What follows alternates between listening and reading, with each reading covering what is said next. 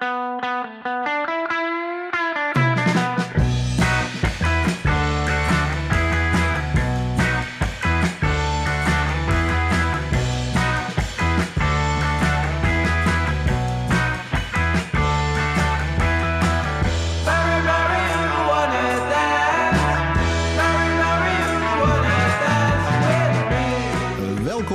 bij High Podcast Live at High Times. De derde van vier afleveringen die we hier live met publiek opnemen in een van de mooiste en oudste coffeeshops van de lichtstad Eindhoven, de High Times. Mijn naam is Dirk Bergman. En mijn naam is Rens Hoppenbrouws. Welkom aan de mensen hier in de High Times. En eh, welkom aan onze gast Marijke uh, Seuntjes, Europe- European Director bij Koes Vapes en Zen Brands. Welkom in de High Tea podcast, uh, Marijke. Dankjewel, Rens. Straks gaan we het eh, natuurlijk uitgebreid hebben over eh, jouw loopbaan in cannabisland. Over de uh, Koesvee producten en over hoe het is om als vrouw te werken in de cannabisindustrie. Als dat überhaupt al anders is dan daar als man te werken. Maar daar gaan we het dadelijk over hebben. Maar eerst bespreken we het eh, belangrijkste cannabisnieuws uit binnen- en buitenland. We gedenken Hester Koistra, die afgelopen week plotseling is overleden. En we gaan het natuurlijk hebben over de verkiezingsuitslag. En we hebben nieuws over de wietproef.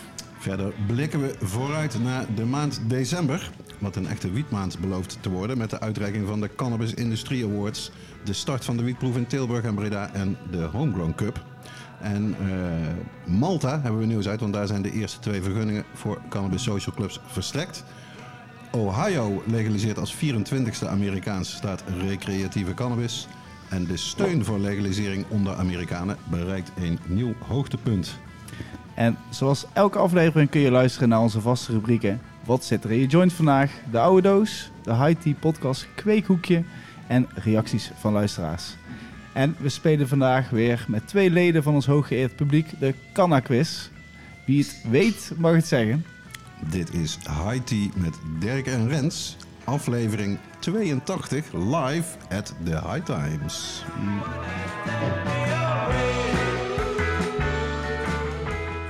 Ja, en laten we maar meteen beginnen met onze eerste rubriek. Wat zit er in je joint vandaag?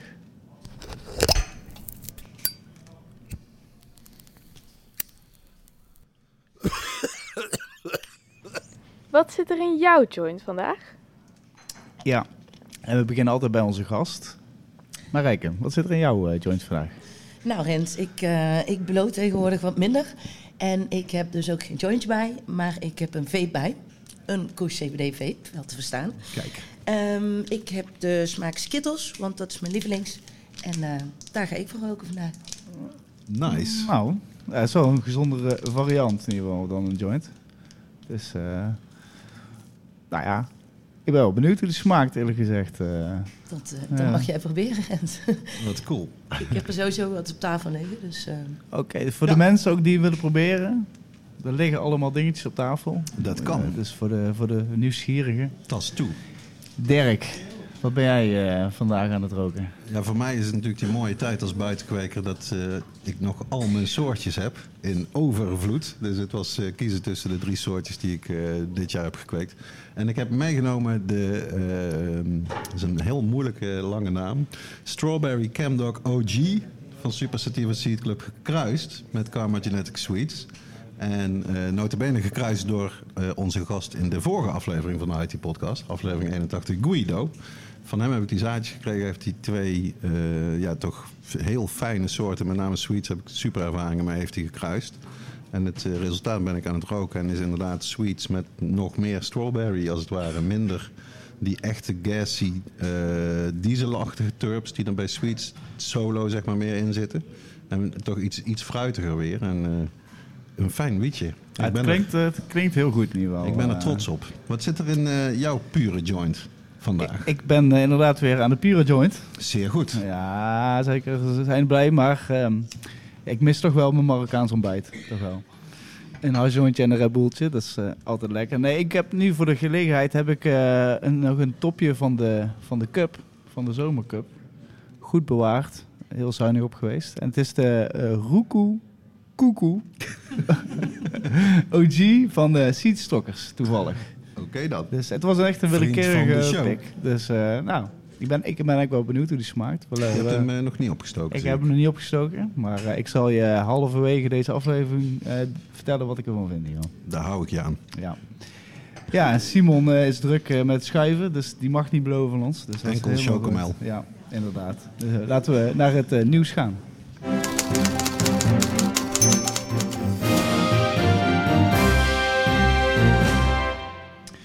Ja, en we beginnen vandaag helaas met best wel triest nieuws. Eh, afgelopen donderdag 23 november is onze vriendin en collega en, eh, en eh, echt een vechter voor de cannabisbeleid, Hester Kooistra, is overleden. Ja, heel plotseling. We wisten allemaal wel dat haar gezondheid was natuurlijk al jarenlang fragiel. Ik heb een klein stukje geschreven over Hester, ook voor de mensen die haar niet kennen, wat ik eventjes wil voorlezen. Eh, Hester noemde zichzelf humanisticus of humanistisch onderzoeker. Ze werkte vrijwel vanaf de oprichting mee met het VOC en ze was secretaris van de stichting Canna Genetics en ook actief voor de stichting Maatschappij en Cannabis, de makers van de Cannabis Kieswijzer. En ook voor de afgelopen verkiezingen heeft ze daar weer ontzettend veel werk voor verzet. Hester bedacht de wet Camulet, gebaseerd op een artikel in de Opiumwet, namelijk artikel 3b lid 2, dat wetenschappelijke voorlichting toestaat over de samenstelling van cannabis. En zij was ervan overtuigd dat dit artikel de sleutel was om gereguleerde cannabisteelt mogelijk te maken. In haar Twitter-bio wist zij het concept in acht woorden samen te vatten. Cannabisbijsluiter, waarbij gecontroleerde teelt onder ontheffing nodig is. Meestal had Hester meer woorden nodig. Ze wist hoe belangrijk details zijn en hoe belangrijk nuance is. En altijd behield ze haar onafhankelijke positie.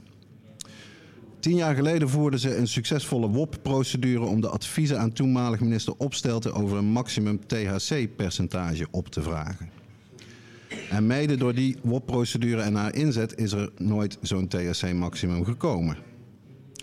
Achter de schermen, haar natuurlijke habitat, speelde Hester een belangrijke rol bij de Canna Stembus Tour in 2021.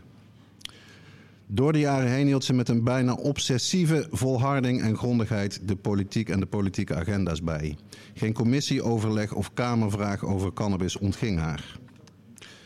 Ze deelde al die informatie vrijelijk en deed bijna al haar werk rond cannabis en cannabisbeleid vrijwillig. Gratis. Als chronisch zieke alleenstaande moeder van een prachtige dochter, Amélie, leefde ze van een appel en een ei. Dat maakt haar inzet en toewijding des te bewonderenswaardiger. Eh, Hesters gezondheid was al jaren fragiel. Had elke week nierdialyse en ze kampte met een lekkende hartklep. Later dit jaar zou ze naar Ierland gaan voor een nieuwe behandeling, maar dat heeft ze niet gehaald. Zij zal zeer gemist worden. Zeker weten, zeker weten.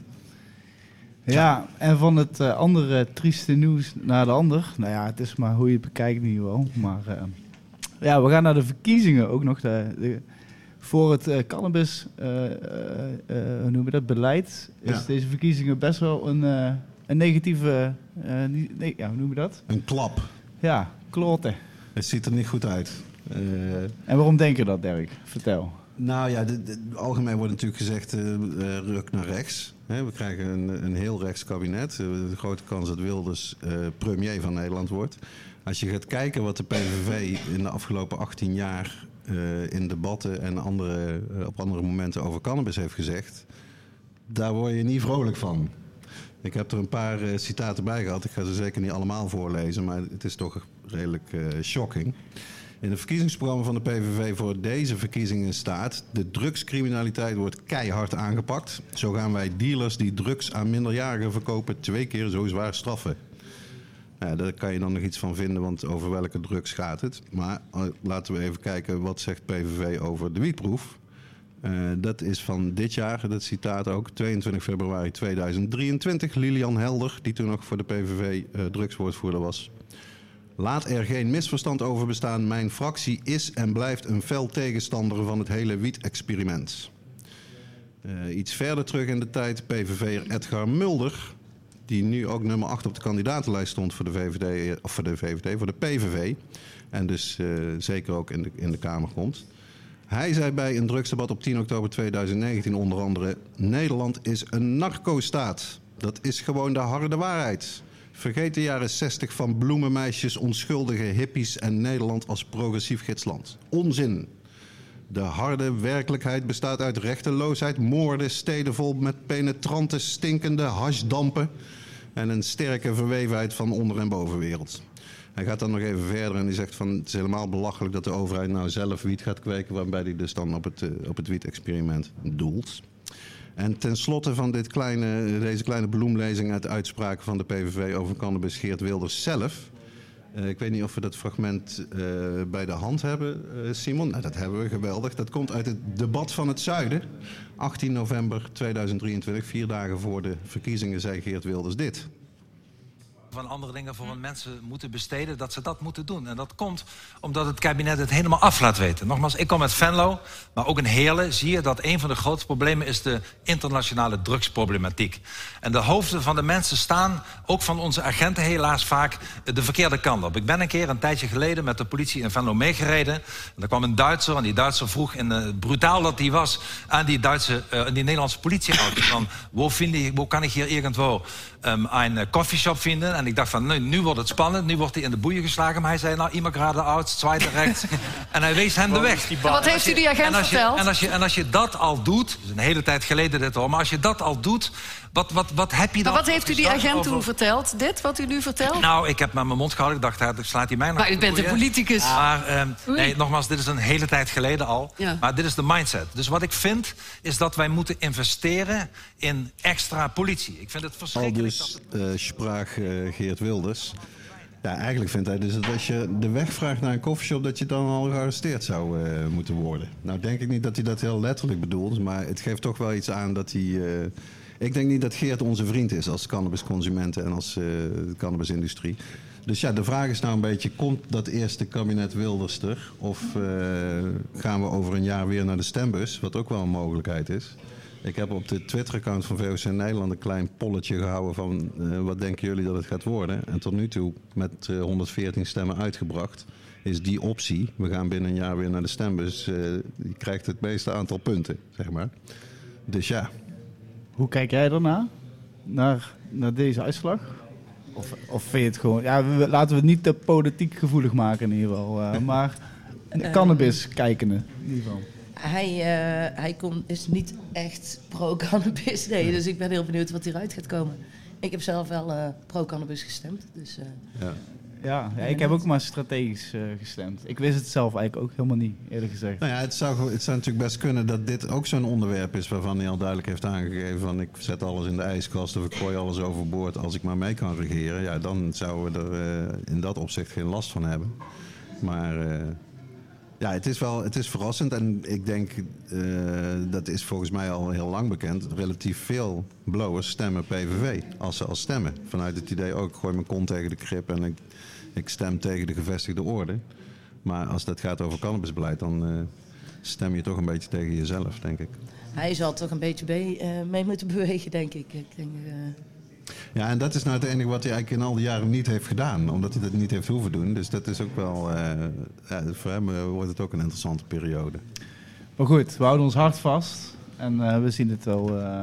Ik denk dat we in de volgende podcast er al iets meer over kunnen vertellen dan nu. Maar goed. Ja, ik verwacht zelf dat het heel lang weer formeren gaat worden. Heel lang lekker praten met elkaar, kopje koffie erbij.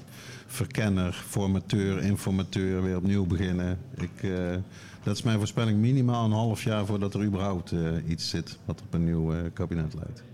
Oké, okay, oké. Okay. We gaan het zien. we hadden het net ook al eventjes over de wietproef. Daar hebben we ook nog een nieuwtje over. Dirk. Het is niet echt keihard nieuws, uh, moet ik zeggen. Maar er, was een, uh, er zijn natuurlijk heel veel politieke cafés en bijeenkomsten geweest... onderweg naar de Tweede Kamerverkiezingen van afgelopen woensdag. Eentje daarvan was in Breda met onze demissionair minister Ernst Kuipers van VWS... en Joost Sneller, de drugswoordvoerder van D66... Dus dat was een uitgelezen gelegenheid om uh, beide heren te vragen over de wietproef en over het cannabisbeleid en over wat D66 ervan vindt en hoe het nou verder moet gaan. Er waren ook best een aantal koffieshopondernemers daar in de zaal.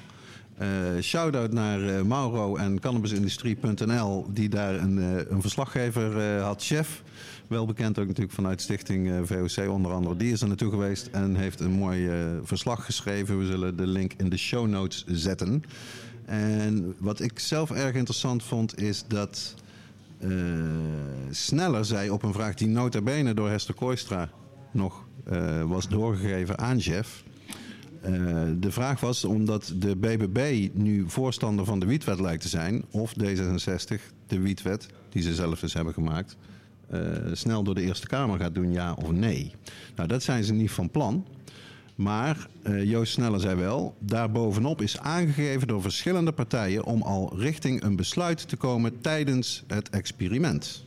In de laatste besluiten is aangegeven al te willen handelen op basis van de resultaten die in de loop van 2024 beschikbaar komen vanuit het onderzoek dat onder andere Trimbos uitvoert. Dat kan dus betekenen dat er sneller richting een vorm van legalisering gegaan wordt. Nou moeten we natuurlijk nog kijken of dat onder eh, premier Geert Wilders nog steeds zo is. Maar het idee van versnelling, eh, dat is iets waar wij ook van, met VOC altijd voor hebben gepleit. Eh, zorg dat je sneller over kan gaan tot uitbreiding. Dat meer eh, shops mee kunnen doen, dat meer telers mee kunnen doen. Dat je het niet zo beperkt houdt. Dat lijkt me, dat lijkt me eigenlijk goed nieuws. Ernst Kuipers die zei nog over de start van het experiment in de andere gemeenten. Quote, de verwachting is dat er gewoon gestart kan worden na zes maanden. Dat geldt voor alle tien initiële gemeenten. Voor de deelgemeente van Amsterdam moet er nog een wetswijziging worden doorgevoerd. Maar eh, nou ja, een half jaar vanaf nu, dat zou dus toch vanaf 15 december gerekend is het dan. Dat betekent toch dat we rond juni in de rest van Nederland gereguleerde cannabis bij de wietproef coffeeshops zouden moeten kunnen gaan kopen. Ik ben benieuwd of we dat eh, gaan halen eerlijk gezegd. Ik vind het erg ambitieus klinken. Nou ja, vooral met het andere nieuwtje waar je ook nog hebt over de wietproef. Ja, want dat is, dat, komt voor, dat is even aan bod geweest, ook in dat politiek café. Maar dat heeft zich eigenlijk pas de laatste week goed ontwikkeld. Een aantal koffieshop-ondernemers in de wietproefgemeente heeft te horen gekregen van hun gemeentes dat ze na het experiment een schaarse vergunning krijgen. Inderdaad, een mooi moment voor het belletje, want eh, wat de hel is een schaarse vergunning? Eh, lang verhaal kort komt erop neer dat die maar eh, tijdelijk geldig is, zo'n vergunning. Dus dat gaat bijvoorbeeld om een oliebollenkraam op een markt of een, een, een veerboot of een, een rondvaartboot in Amsterdam. Eh, het idee is dat je eh, via het mededingingsrecht ook nieuwe mensen een kans wil geven dat die ook zo'n bedrijf kunnen gaan eh, doen. En dat proberen ze dus toe te passen op coffeeshops. Waardoor jij als coffeeshop-ondernemer, als je al 30 jaar ergens zit, zoals hier de High Times, waar we op dit moment opnemen, dat jouw vergunning dan aan eh, iemand die ook in de hoge hoed met een lotje is eh, gegooid, gegeven kan worden. En dat, is dus, dat kan heel verkeerd uitpakken natuurlijk voor coffeeshops. En het verhaal is nou een beetje dat eh, die experimentshops dus een maand voordat ze gaan beginnen in Breda en Tilburg nou ineens te horen hebben gekregen... ja, jullie krijgen dadelijk zo'n schaarse vergunning. Dus ik weet dat er een aantal coffeeshop-ondernemers is die zoiets heeft van... dit is echt een dolkstoot in onze rug. Eh, dit gaan we gewoon niet doen. Als zij dit echt door willen drukken, dan stoppen wij nu met onze eh, deelname aan de wietproef. En dat zou natuurlijk een bom onder het hele experiment kunnen worden. Eh, Wat ik ook wel wil zeggen is zo'n schaarse vergunning. Kijk, voor een oliebollenkraam op een markt, dat is allemaal hartstikke leuk en aardig. Die kan met zijn wagentje eraf en er kan een nieuwe, nieuwe erop. Maar voor een locatie voor een koffieshop... ja.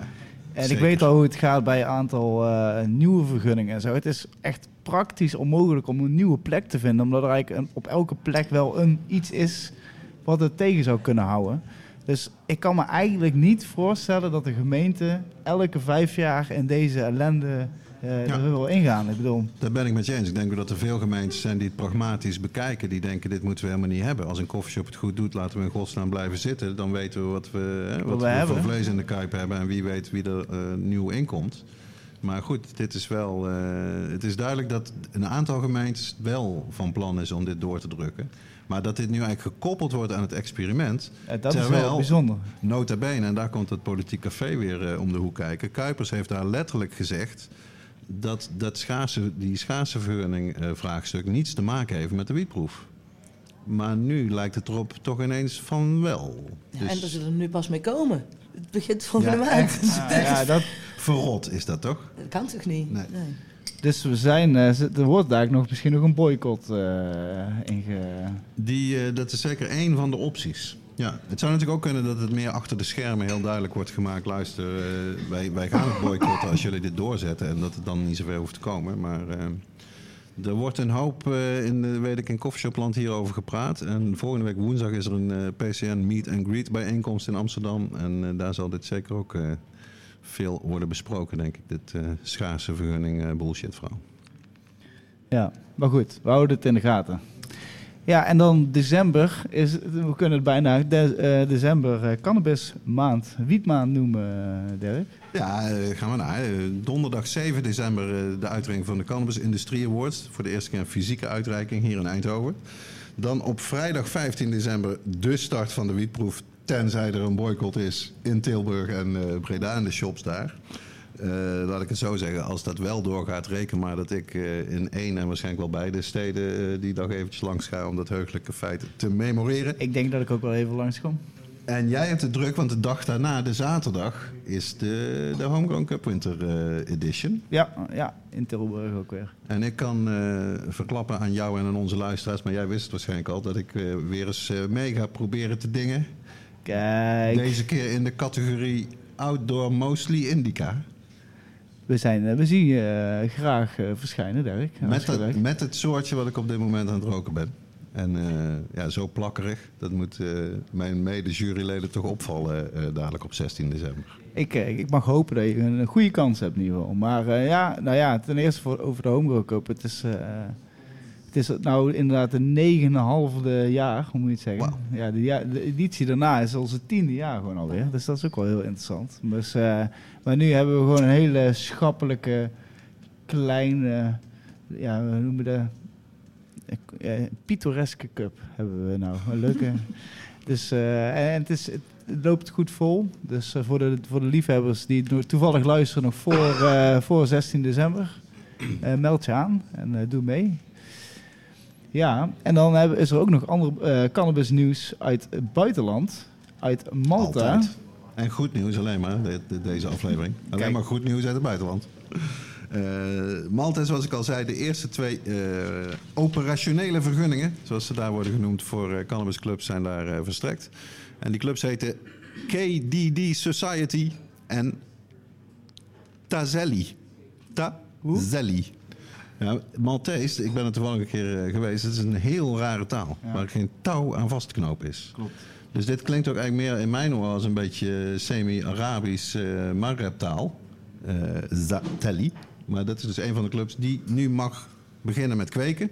Eh, want die vergunningen zijn vorige maand al verstrekt. Dus de planten zijn daar de grond in. En er zijn nog vier clubs die hebben een in principe vergunning. En die zitten dus dichtbij ook het eh, bemachtigen van zo'n operationele vergunning, zodat zij ook kunnen beginnen met kweken. En in Malta, eh, ja, de legalisering dateert alweer van december 2021. Dus de uitrol eh, is daar ook niet eh, dat je zegt van super snel. Maar goed, dit is weer een stapje dichterbij. Ja, we zijn het gewend. Dan gaan we naar Amerika. Daar hebben we een aantal, nog twee leuke nieuwtjes over te, te melden. Ehm, eh, eerst Ohio, waar, eh, waar ze konden stemmen over het legaliseren van recreatieve cannabis. En dat hebben ze in meerderheid eh, gedaan. Ja, en het is dubbel goed nieuws omdat het echt een vrij conservatieve staat is, Ohio. 11,78 miljoen inwoners. Eh, en dat is inmiddels dus de op drie na grootste staat in Amerika met legale wiet. En sinds Ohio erbij is gekomen als 24ste staat met legale wiet, woont 53% van de Amerikaanse bevolking in een staat waar recreatieve cannabis legaal is. Hoera, hoera. Eh, vanaf 6 december eh, mag iedereen van 21 jaar en ouder maximaal 2,5 ounce, dat is dik 70 gram, in huis hebben. En maximaal 6 planten. Ook eh, mooi meegenomen als jij in Ohio woont. En er gaat een belasting gegeven worden op de verkoop van legale cannabis van 10%. En dat gaat de staat volgens berekeningen van de Ohio State University 300 miljoen dollar per jaar opleveren. En moet starten tegen het eind van 2024. Ik kwam een verhaal tegen van eh, Politico over, de- over deze uitslag. En zij schreven... The launch of Ohio's market will also likely put pressure on neighboring states Pennsylvania, West Virginia, Kentucky en Indiana since their residents will undoubtedly be crossing the border to buy wheat and contribute tax dollars in the Buckeye State. Dat is natuurlijk een heel interessant gegeven. Dat eh, ja, als zo'n staat, zeg maar, zo'n conservatieve staat, als er weer een domino eh, steentje is gevallen, dan heeft dat meteen impact op de aangrenzende staten. Want dat, dat zie je nou ook inderdaad. Dat New Jersey, waar ik eh, zelf niet zo lang geleden was, daar komen echt veel mensen uit andere staten die denken: oh, handig. Eh, bijvoorbeeld vanuit Philadelphia, je hoeft maar een brug over te lopen of rijden of fietsen. En je bent in eh, New Jersey, in de volgende staat waar het wel legaal is. Ja, lekker makkelijk. En dan wordt het op een gegeven moment, hey, al die eh, belastingdollars, waarom lopen wij die eigenlijk mis? En waarom gaan die eigenlijk allemaal naar de aangrenzende staat? Dus dat is in, in Amerika weer een interessante dynamiek. Hoe meer staten omgaan, hoe meer, hoe, hoe, hoe, meer reden er is voor de andere staten om ook om te gaan, zeg maar. Ja. Ja. Dus eh, prima, En- prima. En dat brengt ons meteen tot het laatste eh, nieuwtje. Ook, eh, daardoor is ook de percentage van de mensen die echt legalisering eh, zien zitten, of nationaal, of hoe noem je dat?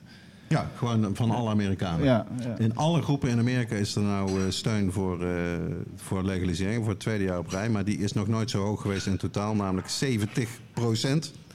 En eh, dus inderdaad, alle leeftijdsgroepen, of jij nou republikeins bent of democraat bent, of dat je jezelf als conservatief of liberaal omschrijft, in al die groepen in Amerika is nou een meerderheid voor legalisering van cannabis. Dat is toch wel, dat is de echte drive achter die groene golf die we zien in Amerika. Dat de mensen gewoon, of ze nou rechts of links zijn, daarvoor gaan.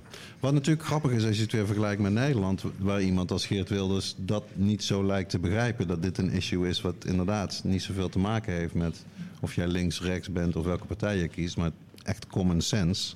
Dat je wiet niet verbiedt, maar dat je het eh, legaliseert.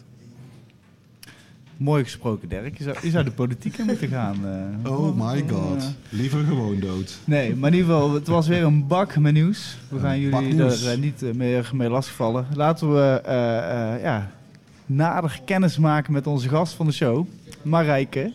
Ehm, eh, eigenlijk, wat we eigenlijk doen als, al- bij alle gasten, is om te vragen waar ze een beetje zijn opgegroeid. En wanneer de eerste keer was, wanneer ze met het mooie product te, te maken kregen. Ehm, nou, ik eh, kom uit het mooie Brabant. Hey. Trots met z'n allen. en ehm, ik kom uit de buurt van Bladel. Ehm, daar zaten wij op school en daar ben ik mee eh, met wiet in aanraking gekomen. Ik denk een jaar of 13, 14. Zo, En eh, ja, zo is het eh, een beetje begonnen. stiekem in de pauze Ja, na school, ja. met de, met de klasgenoten. eh, Ja, Iemand steekt zijn hand op met eh, guilty. Die was Dus, erbij, dus, eh, ja eh, die was erbij. Dus het was, niet, iets- was dat iets waarvan jij zeg maar, instinctief eh, dacht van dat, dat vind ik leuk en spannend en interessant. En dus niet waarvan je dacht, oh, oh, dat is verboden of dat is eng of dadelijk ben ik Nee, nee. echt positief. Ja, ehm, ik ben sowieso wel nieuwsgierig aangelegd. En ehm, ja, ik vond dat helemaal niet eh, apart of zo. Nee. maar, maar waren je dan ook de enige dames erbij? Nee. Of was het best wel veel dames die die ook bij jullie... Zeker. Oké, oké. Ik, ik kan me herinneren van mijn school waren eigenlijk alleen maar gasten die stiekem ergens eh, gingen blowen. Dat was eigenlijk... eh, ja, Nee, nee, dat, ehm, mijn vriendinnengroep in ieder geval, eh, die toch, deden zelf toch mee. het Brabants, hè? Ja. ja. Had je dan eigenlijk ook het idee dat, dat daardoor in die vriendinnengroep eh, of vriendengroep minder eh, werd gedronken? Of, of was het gewoon, we doen alles? zeg We maar? doen alles. Ja, ja. Een beetje de Brabantse manier, De zo inslag. gezegd. Ja. Ja? Nee, ja, nou, ik, ik- ben, je, ben je toen eigenlijk meteen, was je toen eigenlijk al, meteen verkocht? Was het iets dat je dacht van, eh, dit wil ik eh, blijven doen en dit wil ik... eh, Nou, sterker nog, dat ben ik gaan doen. Ik Ja, denk ja, dat ik vanaf mijn 14, 15 iedere dag wiet rookte. ja. En toen dacht je ook wel van, dit is wel echt zo leuk. Hier wil ik echt wel, eh, zou ik mijn werk van willen maken. Mm, daar dacht ik toen nog niet zo over na, denk ik. Ehm, ja, stond ik ook niet echt bij stil dat je daar je, je werk van kon gaan maken. Ehm, wij kwamen uit het dorpje, dus wij hadden nog een, eh, een illegale wiettax. Die, eh, die netjes je Oké. wiet kwam brengen vroeger. Nice. Ja, die kennen wij hier ook wel, eh, toch? De Wietax. Of misschien is het wel dezelfde gewoon. Ja, Zo, met, met een koffertje. Ja, Een koffertje die zo eh, met drie lagen erin allemaal... eh, ja, dat is in ieder geval onze Wietax. eh. Nou komen de mooie herinneringen naar boven. Ja, Ik, heb daar, nou ja, ik ben natuurlijk meer stadsjongen dan. Ik, heb, eh, ik had altijd de luxe hier van eh coffeeshops in de stad. Maar eh, ik heb nog nooit van de wietaxi gebruik eh, hoeven of mogen maken. ik heb het één keer eh, kunnen Was dat doen, niet ja. gewoon Til in Tilburg iets? Jawel, maar als je 14 bent, dan kom je in Tilburg. Moest ik met de bus of zo. Ja, ja, ja, precies. Dus het was gewoon bellen en eh kwam Ja, langs. of Ja. ehm, bij iemand thuis. Uh-huh. Ja, dan gingen we er ophalen tijdens de pauze. En in die tijd al eh, vooral wiet of, of allebei? Of Voornamelijk wiet. toch ja. wiet, ja. ja. De Northern Special. Of was het Eh. er voor die tijd eigenlijk? Het was gewoon... eh, Harriet, hoe ligt het ook weer? Jacqueline Harriet. ja, dat was, ehm, ja, het was gewoon buitenwiet. Dat, eh, en dat was gewoon een thuiskweker en die, daar gingen we er halen. ja. Met ja, fietsje. ja, dat is eh, toch wel een mooie tijd in ieder geval. Die moeten we toch een beetje omarmen. Ja, zeker. Maar op welke leeftijd, of ben je er eigenlijk gewoon heel toevallig zo eh, langzaam ingerold? Of is het iets waar jij gewoon...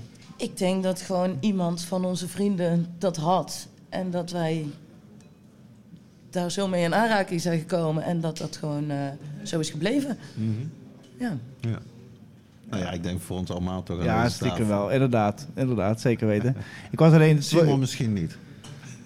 Ja, Simon is hier de verstandigste aan tafel. Ook de wijste, dus dat is meteen... eh, Nee, maar dacht jij wel van, op, op, of in ieder geval op een gegeven moment, je gaat studeren en dergelijke, eh, maar je dacht wel van, ik wil op een gegeven moment iets in de cannabis doen, of heb je dat nooit zo Nee. ervaren? Nee, ik, eh, ik vond cannabis altijd wel interessant. Ik kom zelf uit de sales. Dus ehm, ik heb eigenlijk... Ik ben na mijn MAVO gaan werken. En toen ben ik al snel eh, in de sales terechtgekomen. En op een gegeven moment kreeg ik een aanbieding. Of ja, iemand eh, die was op zoek naar een, eh, naar een meisje die, die wel wat van biet af is. en die een beetje sales kon doen. En dus zo ben ik. identificeerde jezelf als een meisje die um, wel van cannabis af is. Ja. dus dat was Hypro, toch? Ja, dat was Hypro. Hypro, dat was 2014. Mhm. Dus dat was net eh, een jaar voor de Grootshopwet. Voor de mensen die dat niet weten, is een voedingsmerk, hè? Voor... Ja, die verkopen voeding en... Um, ja, mm -hmm. en eh, we ook een zadenbankje. Een jaar voor de Grootshopwet. Ja, ja dus dat was een lekker timing. En ehm, toen begon ik in Nederland de growshops te bezoeken. Maar ja, toen moesten we eventjes de approach eh, een beetje aanpassen. Uh-huh. En daarna ben ik voornamelijk ook Europa gaan doen. Veel in Engeland gezeten en daar kwamen natuurlijk ook eh, de beurzen bij. Ik wil net zeggen, dan, onvermijdelijk kom je dan in aanraking met Ja. het verschijnsel wietbeurs. Ik denk dat we elkaar daar voor de eerste keer misschien hebben gezien. Nee, volgens mij de eerste keer dat we elkaar zagen was ehm, volgens mij op die boot. Canna Cruise. Ah, Toen zaten we langs elkaar en daar herkenden we elkaar stem. Ja, ik, weet je waar ik moet aan denken? Ik dacht dat we elkaar ooit volgens mij in, eh, oh, hoe heet die, in eh, de Baskeland, daar die beurs. Oh, Jeroen. Heet die Jeroen. Oh ja. Oh, dat zou Ik, kunnen. ik ben een keer eh, in mijn eentje, zo heb ik een roadtripje gedaan. Toen kwam ik heel toevallig op die beurs. En toen- ik heb jou daar toen Een een leuke keer... beurs eh, altijd. Ja, is- Ja, is, dat is echt een gezellige, Ja. een hele kleine, maar lieve beurs. Wat weet jij nog, eh Marijke, wat jouw eerste beurs was? Volgens mij was dat Engeland. Oké, die... Ja. Pla- Planet Earth. Ehm, project. Nee? Product. Product Earth. Product Earth. Product. Earth. Planet Earth is een Ja. eh, documentaire. ja, ze moeten daar een heel eufemistische naam verzinnen om eh, überhaupt iets te kunnen doen, toch? Ja, dus ik denk dat dat mijn eerste beurs was. Oké. Ja, En Ja, precies. Wat was je indruk? ja super interessant. Gewoon een plek waar alles is eh, wat met wiet te maken heeft. Ja, dat, is, dat was geweldig om te zien. En ehm, ja, echt van, van vloeitje tot zaadje en van lamp tot... eh, ja, noem het maar. Uh-huh. Ja, vond ik heel interessant. En kwam het veel overeen met wat je gewend was qua sales? Of is het echt een hele nieuwe wereld waar je in stapt eigenlijk zo? Ehm, een hele nieuwe wereld wel. Ja, ik kwam wel eh, van B2B, dus ik, ik was wel gewend om naar bedrijven te verkopen. En ehm, ik heb bijvoorbeeld ook waterkoelers verkocht, maar ik ging vroeger altijd al naar de coffeeshops, naar de smartshops. Ja, ik vond dat wel een goede plek om een waterkoeler neer te zetten met de droge wond. En dus ik, Absoluut, dus ik gebruikte toen de High Life Guide al als eh, ja, waar zitten bedrijven waar ik naartoe kan gaan. Maar echt naar grow shops en, eh, en die dingen voornamelijk, ja, dat was wel. eh, een andere wereld, ja.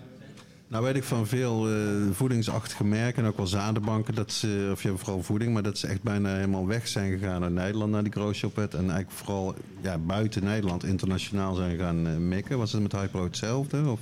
Nee, Hypro die, eh, die zit gewoon nog steeds in, in Brabant. Die heeft het overleefd, kan je Ja. zeggen. Want het was wel echt een storm toen, hè, met die Ja, met het die was heel ehm, moeilijk. Ehm, de, de, de growshops wisten niet zo goed meer wat wel kon en wat niet kon. En ehm, al kwamen ze met een inval of zo, dan wisten ze eigenlijk niet eens zo goed wat ze meenamen. Want Ja. dan namen ze, dachten ze dat ze eh, grinders hadden, maar daar waren eh, Wietmachines? Of ja, knip- knipmachines. knipmachines. Ja, Knipmachines, in, precies. in of zo was dat.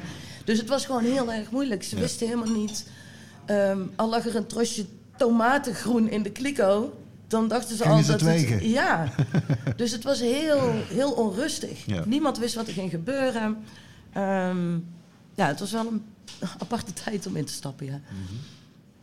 Maar ze hebben het overleefd, dus eh, het gaat nog Mhm. dat, steeds goed met ze. Dat is natuurlijk wel iets moois. Hè? Die eh, vervelende opstelter die dit allemaal verzonnen heeft, die is eh, van het toneel verdwenen. Maar eh, er zijn natuurlijk wel veel growshops ook verdwenen. Maar de merken, ik heb niet het idee dat er heel veel merken eigenlijk zijn verdwenen. Hij is helemaal flexibel geweest. Ja. Je kon eh, makkelijk online verkopen. Je kon Ja, snel een zaak naar Spanje. Heel veel, heel veel voedingsbedrijven en dergelijke zijn allemaal wel naar Spanje gegaan. Hoor. Ja, Ook veel Nederlandse die dus gewoon nou geregistreerd staan in. Spanje. zo onnodig. Hè? Ja, toch, toch, toch de angst. Ja, het is heel gek. Het is jammer dat er zo gekeken wordt. Kijk, wij zijn natuurlijk als Nederland altijd de pioniers geweest. En nu zijn we een beetje de sukkeltjes van de klas.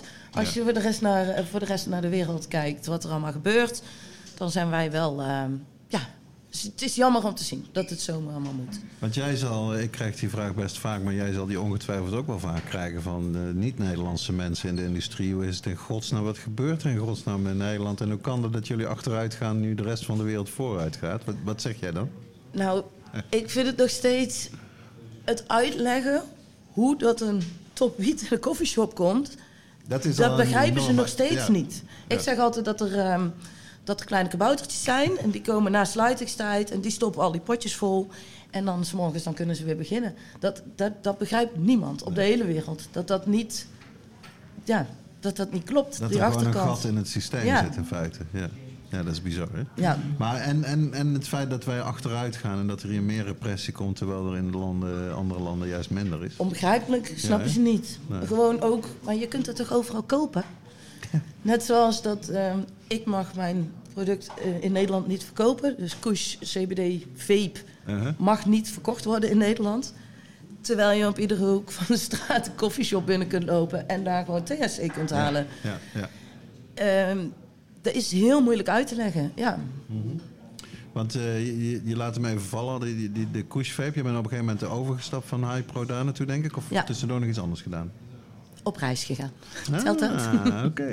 Dat is altijd een goede, een Ah, goede ik, ik, ik ben nog wel benieuwd voordat we dieper ingaan ook Ja. op, eh, op koers. Eh, qua beurs en zo. Vertel eens een beetje, is het, is het qua, qua, qua land veel verschillend? Zijn er sommige landen waar je graag naar de beurs gaat of sommige helemaal niet? Ehm, nou, ten eerste, nee, ik vind alle beurzen leuk. het, ehm, Ze blijft wel professioneel hier. eh. Nee, sowieso. Kijk, ik vind, het, eh, ik vind het heel leuk dat ik kan reizen voor mijn werk. En ehm, dat ik dit vijf tot tien keer per jaar mag doen. En of dat nou naar Rome is, naar Praag of een Iroen of Engeland. Ja, ik vind het allemaal leuk. Grote verschillen is eh, natuurlijk een spannenbes mag je blowen binnen. En dat is Eigenlijk niet, maar toch. Ja, iedereen, nou. iedereen doet het. Of Ja, loopt- ja. iedereen loopt daar gewoon, Ja, je wordt klopt. daar gewoon stoned als je binnenkomt. Dus ja, dat, eh, dat valt niet te ontkennen.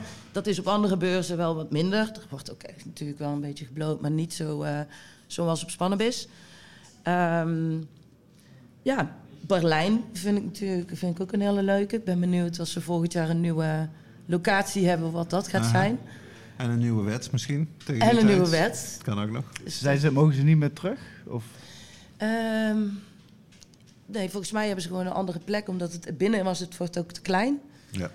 En ehm, voor de eh, standhouders, kijk, buiten is het één groot festival. Als het goed weer is, dan is het binnen natuurlijk een stukje minder druk. Ja, klopt, ja. Dus als je daar een stand hebt, dan is het natuurlijk niet zo fijn als iedereen buiten staat. Ja. Dus dat kan ik me op zich wel voorstellen. Ik vind het persoonlijk heel erg leuk. Buiten het festival en met een zwembad. En ehm, ja, En een paar stands die eh, staan gewoon buiten, maar dat zullen de hoofdsponsors Ja. dan zijn. maar ja, afgelopen jaar was het eh, Regen. regen. Daar sta je. Ja, ja, dan baal je wel. Dat, is, eh, dat is moeilijk.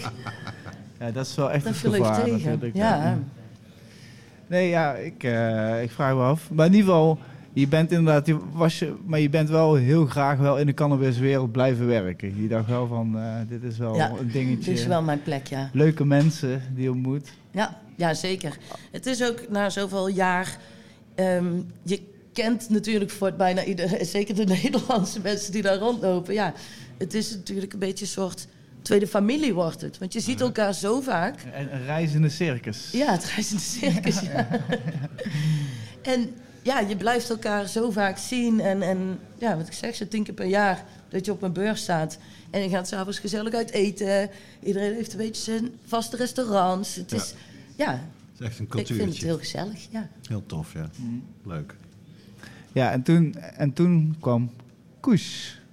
CBD. Vertel eens een beetje, kun je, kun je een beetje daar iets over vertellen? Ja, dat kan. Ik ben eh, in 2019 eh, heeft mijn huidige eh, werkgever contact met mij opgezocht of dat ik eh, hem wou helpen met de promotie van een eh van Koes Vape in Praag op de beurs. Ik nou, dat kan ik wel. Dus Ja. dat, eh, dat ben ik gaan doen. Ik heb Yvonne meegenomen als fotograaf. En ehm, zo hebben we het daar opgezet. Ehm, het ging supergoed en eh, hij zag mij daar mijn ding doen. En toen heeft hij me eigenlijk een baan aangeboden om, eh om Koes op te zetten in Europa. Dat heb ik aangenomen. Ben toen naar Amerika gegaan. Ehm zijn we naar Las Vegas naar de beurs geweest. Heb een contract getekend. En toen eh, kwam ik terug. En toen ben ik naar Amsterdam verhuisd. Bedrijf opgezet. Maar ja, toen kwam er eh, een, een, een virusje tussendoor. Dus dat was wel even ehm, apart. Want ja, ik moest een product gaan verkopen wat niemand kende. Want dat bestond eigenlijk niet echt. En er was geen enkele beurs of niks En de, winkels waren zelf Ja. dicht. Ja. Dus ik ga maar eens iets verkopen aan een winkel die dicht is. Via de mail of via de, via de telefoon. Dus dat was... Old ehm, school ook alweer. Ja, van. ik kon niet eens naar de winkels toe. Ja. Dus het was wel even eh, moeilijk. Maar eh, hier zitten we, drieënhalf jaar later. En we Ja. liggen in 26 landen, behalve Nederland. En Ja, eh, dat, het is gaat goed. dat is wel echt iets fascinerends. hè. Waarom mag het niet in Nederland? En, en vertel je überhaupt, het, het zijn CBD-V-pennen met zonder THC, toch? Ja, we gebruiken isolaat. Dus het is echt 99% CBD. Er zit geen THC in. Maar ze hebben in 2019 een wet gemaakt... waarin stond dat je geen gezonde toevoeging aan een e-liquid mag doen. En daar viel CBD dus ook onder. Toen was het denk ik wel gezond dus. Wauw. En, ehm, dus ik heb nog nooit in Nederland verkocht, ook niet. Ik, ehm, mijn producten liggen hier niet. Maar bijvoorbeeld wel in België? Ja, Ja, ja, Ja. ongelooflijk is toch zoiets. maar ja, dan heb ik mijn gummies. Dus Mhm. mijn Zen gummies, CBD, die mag ik weer wel in Nederland verkopen, maar niet in België. En zo heeft alle landen van Europa hebben andere wetgevingen omtrent al mijn producten.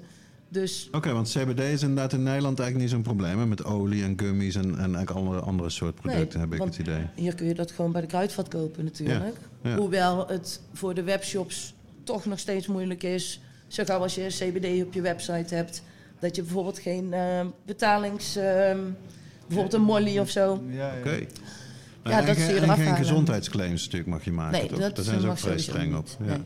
Ja. Nou ben ik wel heel nieuwsgierig. Eh, als, ik, eh, als ik toch eens, eh, als ik heel brutaal mag zijn. Kun je misschien een beetje uitleggen over, die, over de terpenen? Hoe, hoe jullie vond, ik zie inderdaad, jullie hebben de Skittles. Je hebt, je hebt een- inderdaad heel doosje met allerlei eh strains smaken. Hoe, hoe, hoe werkt dat eigenlijk zoiets? Of kun je dat, kun je dat uitleggen überhaupt? Ehm, mag dat überhaupt? Nou, wij zitten, ons hoofdkantoor zit in Amerika. Daar komen al onze terpenen vandaan. Dus ehm, daar mixen wij cannabis terpenen totdat wij onze mix hebben gevonden. En die shippen ze naar Nederland. En dan eh, mixen wij het. eh, mixen wij het. Dat is heel, ja, dat is heel bijzonder. Ik voel, nee, ik, het zou ook bijvoorbeeld kunnen deze van, van fruit of van zulke dingen, Nee, bloemen cannabis of. eh, Het komt echt van cannabis ah, oké, oké, oké, Ja. oké, oké. Dus jullie mixen dus inderdaad om de ideale skittles bijvoorbeeld te maken. Oké, nou ga ik toch wel even... eh, Van de andere kant, deze kant, ja. En je zei al 26 landen. Is het dan in ieder land een andere detailhandelprijs? Of is dat uh, across the board hetzelfde? En, en wat kost zo'n vape? Ehm, ze liggen in de winkel voor eh 14, 15 euro. En dat is een, een halve milliliter pen. Er zitten ongeveer 200 puffjes in. En dat is 200 milligram CBD die erin zitten. Dus één hijs is eigenlijk 1 eh, milligram. Oké. Heel makkelijk gezien. Mhm. En ja, hij is inderdaad heel zoet. Ja, het is echt heel. Maar zou, zou jij bijvoorbeeld heel graag eh, eh, in de toekomst, als het misschien verandert te liggen, dus, of de wetgeving, eh, TSC-vapes, is dat iets waar je... Ehm, TSC Vapes, nou ja, kijk, eh, ons bedrijf in Amerika doet eigenlijk voornamelijk dat. Ja, Wij eh, doen alles met THC. Dit is de eerste keer dat, dat mijn collega's met alleen CBD werken. Wauw. Want ja, voor hun is het heel... eh, European style. ja, het is heel zielig. Maar ja, dat zou eh, natuurlijk het ultieme zijn. Dat, eh, daar hopen we natuurlijk op. ja, Dat precies. dat allemaal... eh, En, en qua effect, je zei er eerder al iets over natuurlijk eh, in onze openingsrubriek. Wat zit er in je joint vandaag? Maar dat je zegt van ik, ik wil tegenwoordig wel minder vaak stoned zijn. En ik vind CBD dan ook lekker. Wat- hoe zou jij het effect omschrijven wat het, wat het heeft? Los van de smaak zeg maar en de convenience van zo'n vape. ik eh, vind het gewoon relaxed. En ik heb... eh, CBD geeft mij een beetje meer focus ook. Oké. Dus eh, dat Ja. voor mij eigenlijk. Ja. Want, je- want je vertelde ook inderdaad dat je niet meer blode, of veel misschien, Mm, maar Ik blow een stuk minder. een stuk ja. minder. Oké, is, het, is het inderdaad gewoon om inderdaad voor de concentratie en al die dingetjes? Of- Nou, ik vond ook na 25 jaar iedere dag blowen, dacht ik, maar zullen wel. we het is een ook keertje wel, testen eh, hoe het is zonder. Ehm, rook en je- ook, eh, ja, ik, eh, ik, ik, ik heb een bedrijf te, te leiden. En Ja. ik vind het wel belangrijk dat dat... eh, Want rook je nog wel tabak? eh, Wordt gewoon eh, eruit gepiept hoor. het ehm, theewoord. eh, Ook veel minder. Dus ja. ehm, ik rook nog wel ooit. En als ik een jointje rook, dan is het wel, Toch wel met tabak? Met tabak, Ja. ja, ja. Ja. Ik, ik mag ook het helaas niet ontkennen. Ehm, hoe kijk jij trouwens eigenlijk naar het wiet-experiment? Dat vind ik ook wel een leuk dingetje Ja. om met, eh, met jou te bespreken. Hoe, hoe kijk jij daar naar zoiets? Ehm, ik ehm, kijk er zeer geïnteresseerd naar. Ik, eh, ik vind het heel interessant wat er allemaal, eh, wat er allemaal gaat gebeuren. En hoe dat dit eh, gaat, ja, zich gaat evalueren. Maar ehm, ja, Je mag gewoon eerlijk zijn, hè Marijke? Ik zie eh, jezelf professioneel, maar je mag gewoon... kijk, dat er, nu, zijn. er zijn er nu twee klaar, tweeënhalf, die, die kunnen beginnen. We hebben het er net over dat die Ja. anderen over een half jaar klaar moeten zijn. Nou, ik weet niet of dat er eh, überhaupt al eh, een dak op, op zit. Volgens mij niet. Bij Ja, bij, ons, Ja. bij ons ook nog niet, helaas. Ik weet niet hoe dat ze dit willen gaan, eh, willen gaan doen. Ik vind het allemaal heel apart geregeld. Ik dacht Ja. dat het eh, veel makkelijker en met alle ervaring die wij voortaan hebben, dat dit op een hele andere manier gedaan had kunnen worden. Maar Ja. ja, het is wat het is. Ik ben wel heel benieuwd wat er dadelijk allemaal uit gaat komen. En of we dan ook met concentraten en, en of dat dan een wax en een roze en of dat dat wel mag of niet. Of Eh, nee, helaas. Nee, is dat. ehm, Nee, dat ziet er allemaal zeer slecht uit. Je- En edibles mag voor zover het zeg maar zeer eh, traditioneel is. Dus ja, maar mij- weer nog steeds die Nee, dat hebben ze aangepast. Ja, ja, Nee, want ik heb die. Ja, maar dat heb hebben ze wel gisteren- Ja, weet je zeker? Nou ja, de manier van. Ze- Je mag in ieder geval wel weer wietboter maken. Oké. In plaats van dat je alleen maar met rauwe Maar dat is allemaal beperkt. En, Nee, het en- gaat er toch meer om dat het concentraten- concentraat, dat het dan... Mijn, kijk, ik ben natuurlijk ook een edible producent. Mhm. Ik hoef alleen maar een ingrediëntje te veranderen. Ja. En ik kan alleen... Dat komt natuurlijk wel uit de concentraat. Ja, precies. Dus, maar ik heb dus ook eh, van, van Dortmund heb ik zitten luisteren. En daar staat dus in dat er wel edibles mogen komen. Maar of dat dan weer alleen is die... Ja, ik noem het altijd dat het uit de oven moet komen. Ja, dat de bloem. Traditionele, ja. Ja. Dus spacecakes en... Maar of het dan ook gummies kunnen zijn of, of iets anders... Ja, dat zou natuurlijk wel heel mooi En zijn. helaas is die vraag niet gesteld bij het, eh, die bijeenkomst waar Kuipers en Sneller samen waren. Dat is wel jammer. Dat- Die reputatie is mooi te ben er waar, maar dit, dit komt niet ja. eh, aan bod. Ja, eh, jij weet het ook niet met jouw insight kennisrens bij, eh, bij Q-Farms. Nee, helaas niet. Eh, ik, ik weet wel bijvoorbeeld in Den Haag dat je dus inderdaad die verschil hebt. Je mag Ja. daar geen Ja. gummies en verkopen. Je moet echt, echt cakevormig of een koek of een dingetje Ja, of een taartje. Maar in het experiment, ja, ze, ze, zei- ik moet wel zeggen, de regelgeving is wel continu in beweging. Ze zijn heel aan het ja. zien van, Ja. oké, dit werkt niet, hoe kunnen we het verbeteren? Die aanloopfase, hoe lang dat mag duren, hoe lang je je oude wiet als het ware nog, die- tenminste je normale wiet nog maar blijven aanbieden. Dat soort dingen, dat is allemaal wel een beetje Ja, eh, en ook, ook qua persen. Ik vraag, eh, volgens mij, volgens mij mogen ze nou wel. Ja, ik durf, ik durf ook niet 100%, anders ga ik, eh, ga ik eh, Ja, aan de andere kant liegen. was het ook weer moeilijk, want we hebben net al eh, alle vape-dingen uit het assortiment. Dus dan wil je dadelijk je, je, je rosin of je, of je wax of zo, dan wordt het al moeilijk natuurlijk. Dus het, Maar dat, dat vind ik ook nog wel interessant. Ehm, ik heb zelf sterk het idee dat het in ieder geval ook in Nederland en België is het een soort joint cultuur. Ook gewoon met tabak. Dat is zeg maar heel... Ja, veruit de meeste mensen doen gewoon dat. Punt. Die, die gaan niet verdampen, die gaan niet puur, die gaan geen vapen. Zie jij dat dat in Nederland en België eh, inderdaad wat traditioneler slash conservatiever is dan in andere Europese landen? Of is dat overal een beetje... eh, ik denk dat eh, jointjes draaien ook gewoon een, een habit is en dat het er gewoon bij hoort. Dat is een van de leuke dingen van Aha. joint roken. Maar als jij al gaat stoppen met tabak, dan val je sowieso al... Dan hoef jij niet per se een joint te gaan draaien. Ehm, en ja, eh, als je kijkt naar wax en rozen, het is natuurlijk super puur, het is super lekker. Maar het is natuurlijk niet voor iedereen's budget. Ja. Dus ik denk dat het daar ook een beetje aan ligt. En ehm, je ziet wel steeds meer rigs en, ehm en dabben. En ja, en, eh, kijk, in Spanje en zo kun je dat ook Klopt, ja. in de, in de cannabisclubs kopen. Ja, ik heb dus En ik denk dat dat in Spanje... Dat, ja, dat is hier natuurlijk ook weer een wetgevingsdingetje. Dat een koffieshop Ja, niet eh, zijn vergunning eh, op het spel zetten... of zijn Ja. eh, gedoogverklaring door wel concentraten te verkopen. Hoewel sommigen het nog steeds wel doen, natuurlijk. Maar eh, dat is in Spanje dan natuurlijk wel weer wat anders. Is het in die zin misschien toch makkelijker ook toegankelijk. Ik vind het een interessante markt. En, eh, Hmm. ja. daar, komt nog veel, daar gaat nog veel uit.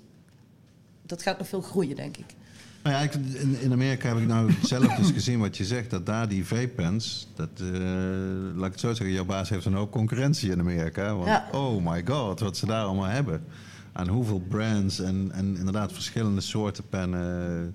Ja, dat was toch wel eh, maf om te zien, eh, moet ik zeggen. Hoewel ik daar, ik heb het natuurlijk overal gevraagd, ben bij een aantal dispensaries geweest. In New York met name, maar ook in New Jersey. En dat, daar is toch ook nog wel steeds eh Flower is King, zeggen ze dan. Flower is King. Ja, toch wel? Ja. Dat ze meer eh, bloemen. Ja, maar ja, dus het komt, het komt wel op, zeggen ze allemaal. Geldt ook een beetje voor edibles. Maar eh, ik hoor toch wel 80% nog steeds is gewoon flower. maar ze roken wel allemaal puur, of in ieder geval, Ja. of in een pijp, zoals wij onze jointjes draaien. Dus zijn ze daar helemaal niet Nee, nee, nee. Nee, nee, dat, vinden ze, dat vinden ze bizar dat wij dat hier doen. Ja. Ja. Maar zijn er eh, eh, bijzondere dingen waar we in de toekomst kunnen verwachten vanuit jouw koker? Ehm, ja, we zijn met een nieuwe productlijn bezig. Daar kan ik nog niet heel veel over zeggen. Ehm, Maar wel een beetje. ja, dat het... we, eh, we vragen iedereen even onze op de kop om af te zetten. Nee, het is helemaal een andere kant. We gaan. ehm, ehm, het heeft niks met cannabis te maken. Dus we gaan een, eh, een nieuw product op de markt brengen. Wat ik denk ik wel interessant gaat zijn voor onze markt. Maar ik kan- er gewoon nog niet te veel over zeggen. Volgend jaar. Dat is wel erg weinig. Houdt het wel Nou, spannend. Dat, dat schiet mij ineens iets anders eh, te binnen. Wat ik ook in Amerika heb gezien en wat in Nederland natuurlijk eigenlijk geïntroduceerd is, voor, voor zover ik weet, door eh Rinus Bijntema, Suvernuver. Namelijk Weed Water. Dus zeg maar, ja, Irie Water. I- Irie Water. Irie. Maar dat zag ik in Amerika ook in een aantal dispensaries verkocht worden. Eh, is dat het? Wat de hel is dat? Laat ik het zo zeggen. Hoe- Hoe kijk jij daar product. professioneel tegenaan? Ja, eh, eh, heel interessant product. Ja? Ik, eh, ja, ik zag het laatst op de beurs. En ehm, ja, goed over nagedacht. En ehm, slim. Slim product. Ja, en ook, maar ook, is het ook for real? Is, het- is de werking ook reëel wat ze zeggen dat het is? Want ik vind dat zelf, ik, ik heb Rinus daar uitgebreid over geïnterviewd en hij probeert dus uit te leggen dat je eigenlijk meer effect hebt van minder Ja. werkzame stof. Nou, dat gaat er Waar bij mij hebben we het in godsnaam over? over, over het idee dat je in plaats van iets te vapen of te roken of te eten, dat je water drinkt wat infused is, dus waar cannabinoïden aan zijn toegevoegd, met wonderlijke Amerikaanse magic technologie. Ja, wat, en, Zodat je stoned wordt van water te drinken. Maar basically. het is op een manier dat het dus eh, legaal is, want het zit onder die 0,2 of die 0,3. Precies, ja. ja, het is heel weinig werkzame stof. Maar het Nee, zou dat is toch werken. percentueel gezien. Ja, ik heb het zelf eh, Ja, persoonlijk niet geprobeerd. niet. Nee, ik ook nog niet. Maar ehm, ja, daar zou een. Ik durf niet te zeggen Ja, hoeveel. wat- reden, te meer om toch eens een keer eh, in de podcast uit te nodigen. dat moeten we zeker doen, maar misschien moet je ook eens een beetje uitleggen wat het nou wat zo, inderdaad zo magisch maakt. Het is dus water en wat bijzonder is normaal, water hecht niet met eh. THC. Dus normaal Ja, moet je... volgens mij maken ze er wel een soort poeder van. Je En- moet sowieso water soluble hebben. Precies. Dus je moet het water soluble maken. Ja. Wij maken bijvoorbeeld drankjes met CBD. CBD is natuurlijk een olie. Ja. Ehm, ook al komt het van een isolaat. En isolaat wordt natuurlijk ook gewoon een olie. Maar dat moet water soluble, want anders dan blijft het er bovenop liggen. Ja, natuurlijk. precies. Het moet, zich, het moet kunnen mixen. Opneembaar in water. Ja. En, Maar hoe je dat technisch, chemisch voor elkaar krijgt, maar ja, ze hebben er dat dus ook nog niet een... in twee zinnen uit kunnen leggen Nee, in ieder geval. Maar ze hebben dus ook nog een stofje bijgedaan, toch? Dat omdat ze er 0,02% eh THC in doen, dat het iets in jouw lichaam, dat stofje veel intenser opneemt. Ja, nee, het verhaal is meer normaal wordt het afgebroken. En nu zit er een enzym bij die zorgt dat het niet wordt afgebroken, zodat de werkzaamheid meer is als wat die normaal zou zijn. Ja, is toch, ik vind het Snap je. Rens? Nog niet. Vertel daar nog maar een keer. eh. Nou ja, de ene vraag waar we nog niet aan toe zijn gekomen is... Een, ik vind het zelf een beetje een cliché-vraag, dus ik ben ook wel gewoon benieuwd naar jouw eh, antwoord daarop. Is er een verschil, zie jij een verschil om zeg maar, als vrouw of als niet-vrouw werkzaam te zijn in de cannabisindustrie? Of, of denk je dat er wel degelijk verschil is omdat het toch een soort door mannen gedomineerde industrie is, nog op dit moment? Ehm, ja, natuurlijk. Het is een, een door mannen gedomineerde industrie. Ehm, ik vind het zelf op zich wel interessant. Ehm, ik vind, kijk, het maakt niet uit of je man of een vrouw bent. Als je gewoon passie hebt voor dit product en, en voor die plant, dan, ik denk dat een vrouw ten eerste net zo goed een plant kan kweken als een man. Ehm, Lijkt me wel, ja. ik denk dat het niet uitmaakt of jij eh, of, eh, je een man of een vrouw bent en je staat in een winkel of in een koffieshop. Ehm, ja, ik heb dat zelf zo nooit echt. ehm, ik heb daar nooit last van gehad of zo. Nee, ik vind dat wel gezellig. Alleen je moet wel weten waar je over praat, want anders dan. eh, Nou ja, dat, dat, dat, dat misschien mannen geneigd zijn om te denken van... eh, ze heeft geen verstand ervan. Ja, ze weten er te weinig Ja, van is goed. Ja, oké. Dat mogen ze. dat is natuurlijk wel leuk. Dat als ik winkel of ik, ik spreek iemand en, ehm, en ik kan ook gewoon over EC-waardes en, Uh-huh. eh, en over gefeminiseerde zaden praten. En ik, ik weet wel waar ik het over heb. Ja. Maar ja, na tien jaar in de, toen ik hier begon in deze industrie wist ik het natuurlijk ook niet. Maar ik heb wel heel erg veel geleerd. En zeker in mijn tijd bij Hypro. Mhm. Ehm, ja, het is wel belangrijk dat je weet waar je het over hebt. Want Ja. anders dan, eh, ja, dan lach je ze uit of zo. Maar ja, Ja, ja. Ik denk dat als je een jongen bent en je hebt geen verstand ervan, dan doen ze hetzelfde, denk ik. Ja, nou ja, dat, dat, dat klinkt toch in die zin wel bemoedigend. Dat het niet... Maar er dat mogen wel meer vrouwen in de industrie. Hè? Ja. En maar op beurzen, kijk, het is niet, eh, er zijn wel meerdere vrouwen. Hè? Dus Hmm. eh, ik denk dat het, eh, de vrouwen in onze industrie het ook heel goed doen. Ja. Maar Ja. er mogen altijd meer vrouwen bij. Ja. Nou ja, ik, ik weet het uit Amerika en ook wel uit Spanje, waar ze daar ook echt zeg maar, een soort stichtingen of in ieder geval clubs hebben, die ook specifiek dat doen. Weet je wel, Hup, voor vrouwen in de cannabisindustrie. Meer vrouwen samen elkaar helpen, ervaringen delen om samen sterker te staan. En dat is, dat ken ik inderdaad uit Spanje, maar helemaal nog niet uit andere landen in Europa. Dus misschien moet dat er komen. ja. Ja, ik denk dat in Nederland ook de, de vrouwen die ik ken, ook in de cannabisindustrie, dat zijn ook allemaal best wel power eh women allemaal, Ja, toch? Ja, Eh, zeker. ik moet ja. zeggen, je, je- degene die, die de mannen kunnen eh, aan, dat zijn ook Je wel... moet wel je mannetje kunnen staan. Ja, maar ja. Je moet je vrouwtje. zeggen, je, moet, je kun je vrouwtje.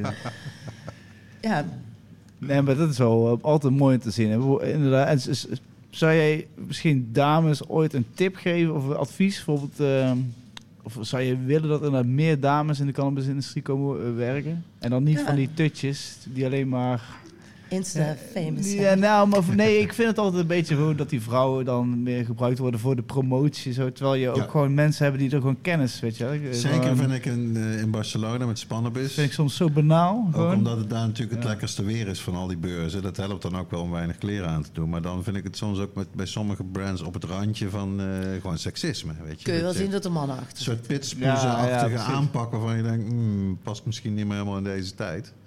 Maar eh, ja. Maar dat is misschien ook omdat er veel mannen achter Ja. merken zitten. Ja. En ook omdat de bezoekers toch ook nog wel... Mannen zijn. Ja, ja. hoewel er steeds meer vrouwen komen, heb ik het idee. En Mhm. ook steeds meer... eh, ja, ik denk dat het goed zou zijn als er meer vrouwen in de industrie komen. En, en of dat nou is om, om de verkoop te doen of om... eh, eh, in, in, in een koffieshop te staan. Of, Ja, ook gewoon af en toe de vrouwelijke touch. Gewoon in, Aha. in, in een plek. Ja. Je, merkt het ook. eh, ik was toevallig eh, afgelopen weekend in Barcelona. Dat was ook de reden omdat deze podcast eh, verschoven was. Dus excuses eh, nog daarvoor. Eh, maar daar was ik bij eh, de Social Club Felice. Mhm. eh, van een Ah, Belgische... ja, even Keren. En daar had bijvoorbeeld zijn moeder, die moeder van die Belg of zo, van, eh, van een Belg, die, die had dus de inrichting gedaan. En dat zag je gelijk, weet je. Dat het Ja. gewoon, het was een meteen een warme, ik, zag eh, heel leuk en vrolijk ik was en van de week bij de Kade in Amsterdam, de koffieshop. Ja, dus de, daar Daar zie je was het ik ook. Oh, Was ja. je dan voor de Mossy Giant Expo of niet? Eh, ja, dat was gisteravond. Ja, ben je erheen geweest, Dirk? Ja, ja, lastig verhaal. Ik had niet in de gaten dat het s'avonds was. Dus ik was daar overdag. En ik had helaas niet zoveel tijd dat ik lekker kon blijven Oh. tot s'avonds. Dus ik heb gelukkig het werk allemaal kunnen zien van eh, Pieter. Echt fantastisch weer. Maar ik eh, zou daar Pieter natuurlijk ontmoeten en ook Stefan van eh, La Crème Gracia, Cannabis Social Club. Waar hij zijn prachtige project eh, over de geschiedenis van cannabis eh, samen mee doet. Maar dat eh, moet even wachten, want eh, ik heb het bekeken, ben ik toch weer teruggegaan naar Eindhoven. Ja, hey, Nee, ik ben er niet geweest, maar wij hebben onze, onze Zen gummies, die zitten daar in de, in de goodiebag. Ja, dat is ook een Dus heel mooie shop. Hè? Ja, heel leuke shop. Ja. En ook wel met die vrouwelijke touch, wat je zegt. Dat, eh, de kleurtjes en de logo. En, eh, ja, ja, het ziet er heel goed uit. vind ik... eh, En voor de eh, luisteraars en liefhebbers, de, eh, de expositie van, eh van Mosje is nog tot 2 december te zien in de kade. Dus eh, mocht je helaas inderdaad gisteren of eh, vrijdagavond niet hebben kunnen komen, Stadion Kade Amsterdam. ja, hartstikke leuk. En eh, natuurlijk. Op een loopafstand feitelijk van eh NS-station Amsterdam-Zuid. Voor mensen die met het openbaar vervoer eh, komen. kijk, kijk. En is er ook nog ergens een plek waar te parkeren? Geen idee. Eh, ik heb geen auto. voor joh. de deur. Eh, voor, de- voor de... Sorry, jongen, Dirk. Ik denk, we doen het samen. Nee. Heb jij nog een eh, leuke, spannende vraag, eh Dirk? Eh, nou ja, een afsluitende vraag is misschien... eh, wat heb jij zien veranderen eigenlijk in de jaren dat je actief bent in die, eh, in die cannabisindustrie? Of blijft alles gewoon een beetje doorkabbelen op eenzelfde manier? Nee. Ehm, er is veel veranderd en dan vind ik voornamelijk dat er in Nederland veel veranderd is. Dat er heel veel, eh, ja, dat het gewoon iedere keer minder, minder, minder wordt. Ja. En dat het in de rest overal meer, meer, meer wordt. Dus dat een, eh, een Thailand open gaat, ja, geweldig. Zuid-Amerika nu, ja, booming. Dus je ziet gewoon overal dat het gewoon... Hè, we zullen zien wat Duitsland gaat doen. Als Duitsland gaat, dan gok ik dat Tsjechië ook heel snel gaat komen. En Australië. En, en er is zoveel... We are winning. Ja, Amerika. Je zegt net, Ja. vijf, meer dan 50% is, eh, is, is... Die zitten in is legale staten. Ja, zeker. Het is toch geweldig? Nou ja, en, en Biden, eh, hij doet niet heel erg veel goed, maar hij heeft wel een paar keer duidelijk gezegd van dat hij vindt, het is gek dat mensen nog in de gevangenis moeten zitten voor iets wat bijna over, in, veel staten legaal is. Dus dat gaan we toch langzaam. eh, ik vind het zelf een raadsel waarom hij niet veel duidelijker uitkomt voor legalisering, Biden. Maar Ja, ik, ehm, ik vind sowieso dat... ehm, wat, hoe ze deze plant hebben ge- gedemoniseerd eigenlijk. Nou, het is belachelijk. Wat, ik denk echt dat, dat cannabis eh, de wereld kan verbeteren. Met, eh, op zoveel verschillende manieren. Van, Kan van wel. tot Ja. hempcrete. En, en eh, je kunt huizen bouwen. Ik, ja, voor mensen die niet weten wat hempcrete is, dat is beton wat gemaakt is van hennep. Omdat hennep de sterkste natuurlijke vezel ter wereld is. Ja, en natuurlijk ook. Hè, het is dan ehm brandveilig en Ja. het is ook meteen geïsoleerd, isolerend. Ja. Ja, dit, wordt... Dit, dit is het gewoon. Het is gewoon toekomst. En het is toekomst voor de bouw. En eindelijk Ja. wordt dat in Nederland ook echt duidelijk erkend. En heeft het kabinet eh, uit mijn hoofd 200 miljoen uitgetrokken om dat te stimuleren. Niet alleen hennep, ook vlas geloof ik. Maar in ieder geval dit soort duurzame materialen voor in de bouw met name. Daar zit inderdaad heel veel toekomst in. Ja. Ja. Ja.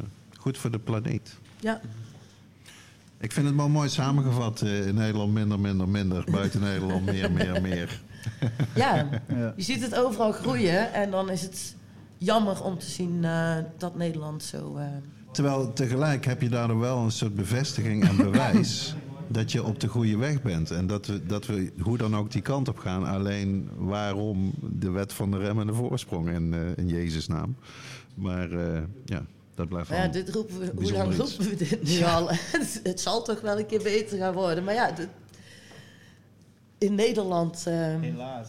ja. Nee, want voorlopig eh, ziet het er politiek in ieder geval eh, niet echt eh florisant uit, denk En ik. wat ik dus wel goed vind van nu met, die, met de experimenten en zo... is dat er dadelijk natuurlijk wel gewoon op de markt komt... dat als je in een koffieshop binnenloopt en er staat amnesia op... dan is het ook amnesia. En dan weet je hoeveel dat erin zit. Ja, en hoe, precies. Dat vind ik wel netjes. Want het maakt. Ja, ze kunnen, Ja. ze kunnen je ook een super zilver geven. En zeggen dat het een am is. Ja, de, er is geen. Eh, ja, jij zei het er straks ook over die hash. Dat het, ze geven het gewoon een andere naam. En ja. ja, dat vind ik wel bizar dat dat na zo lang nog steeds kan. Dus dat vind ik wel een goede ontwikkeling van wat er dadelijk gaat komen. Ja. Maar dan ben ik wel blij dat we op deze positieve manier eh, zo eh, kunnen afsluiten. Ik zeg, eh, laten we naar de oude doos gaan, eh, Dirk. Ik, zag dat Dirk zijn, zijn bril kwijt was, dus er wordt een hele uitdaging. maar dat wordt spannend. Ik heb voor deze aflevering van de Oude Doos een, eh, een, klassiekertje eh, meegenomen. Eh, de mensen hier kunnen het zien natuurlijk. De mensen die luisteren kunnen het niet zien, maar kunnen het nazoeken via de show notes. De Planten der Goden. Geschreven door LSD-uitvinder Albert Hofman. En plantkundige Richard Evans Schultes. Zo heet die man. Eh, dat boek is oorspronkelijk uit 1979 en is in Nederland voor het eerst verschenen in, in de Nederlandse vertaling in 1983. Ga ik even zoeken welk stukje ik ga voorlezen. Het zal jullie niet verbazen over welke plant der goden de passage zal gaan die ik ga voorlezen. Dat is natuurlijk die over cannabis. Ah, hier heb ik hem al. Right on. Het fragment dat ik voorlees komt uit het hoofdstuk De nectar van het genot over cannabis. Pas sinds kort is cannabis algemeen verbreid geraakt als bedwelmend middel in de westerse wereld, vooral in de VS en Europa. En heeft tot paniek geleid in kringen van wetgevers en wetshandhavers. En sociale en gezondheidsproblemen geschapen. Er is weinig of geen overeenstemming over de vermeende of reële problemen of de oplossing daarvan. De openbare mening hinkt op twee gedachten.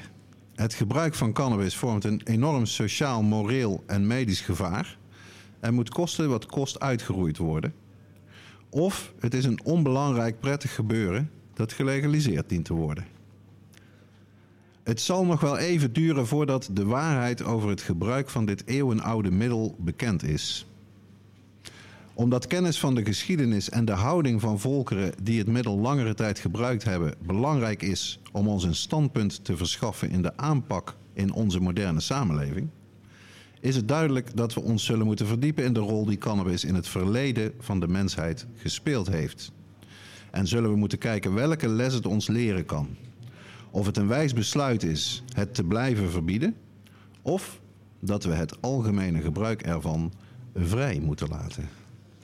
Dat sluit toch aardig aan bij wat jij net zei, Marijke, over hoe lang we het hier al eh, over hebben. Dit is dus eh, ja, 1979.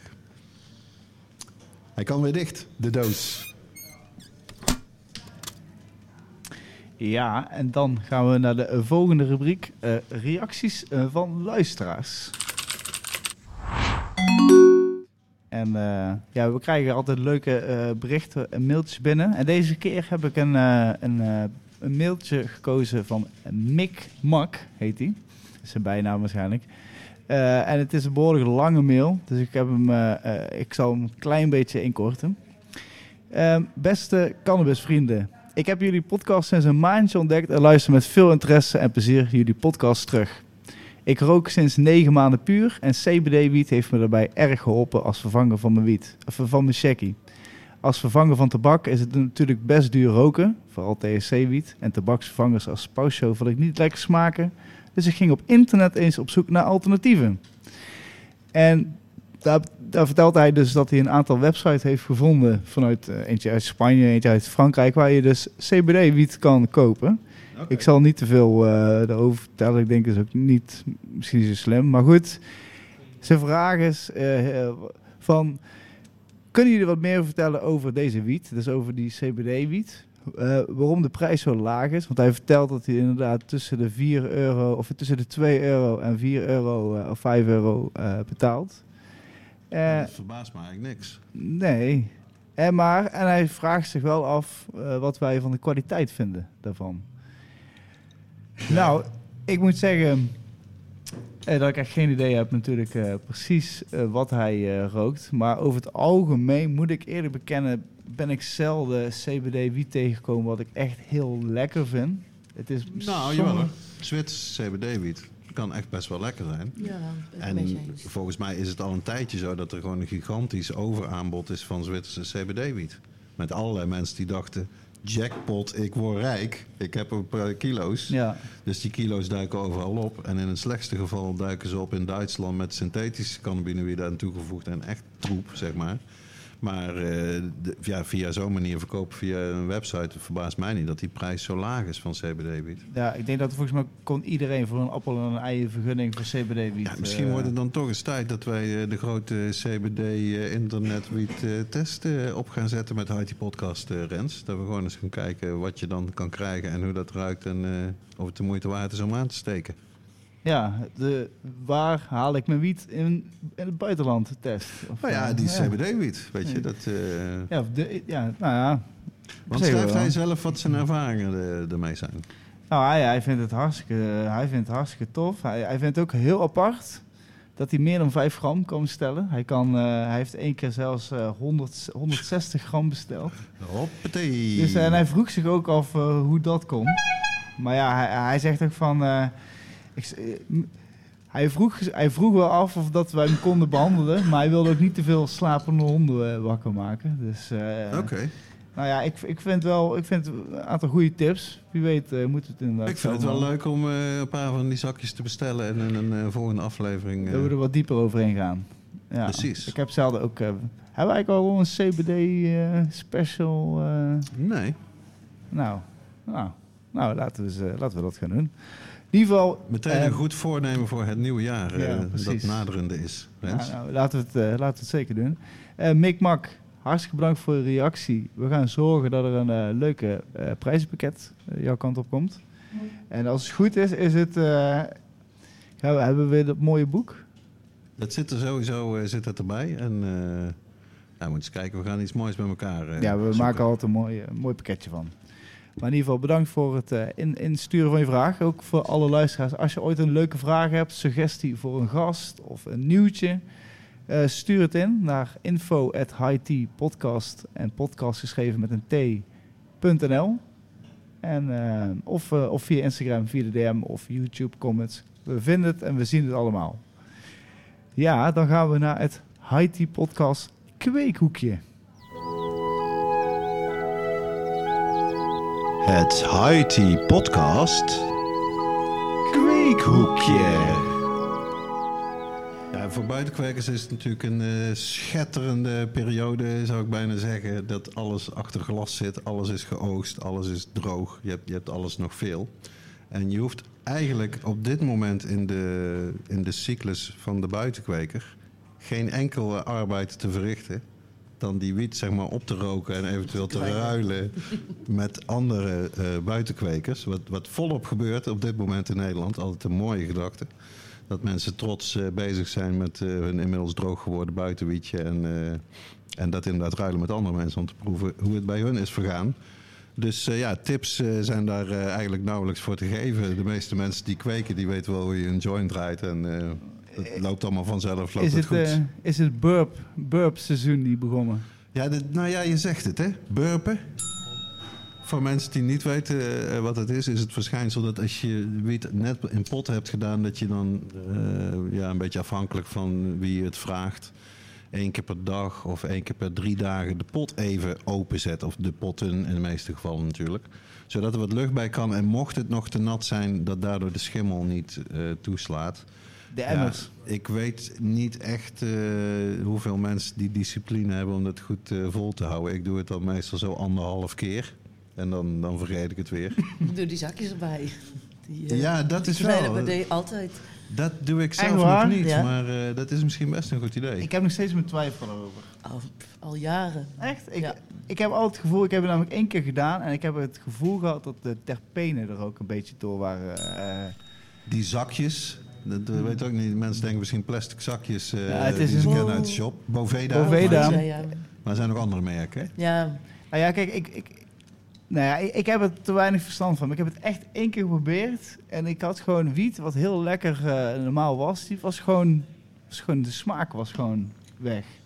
Misschien ja? heb ik een slechte persoonlijke ervaring. Misschien werkt het heel goed. Maar eh, Nou ja, pas ik- op, pas op, netjes. Is Nou, dus- dit, dit jaar was sowieso oogst niet, eh, niet geweldig. Maar na de zomer die we, nee, die we klopt. hadden. Dat is wel een uitdaging om er nog iets was, goeds af te eh, krijgen. Dus Jij- ik was al blij dat het, eh, dat het in de pot zat. Jij doet, jij doet thuis ook zelf altijd een paar plantjes? Ja, ja, ja.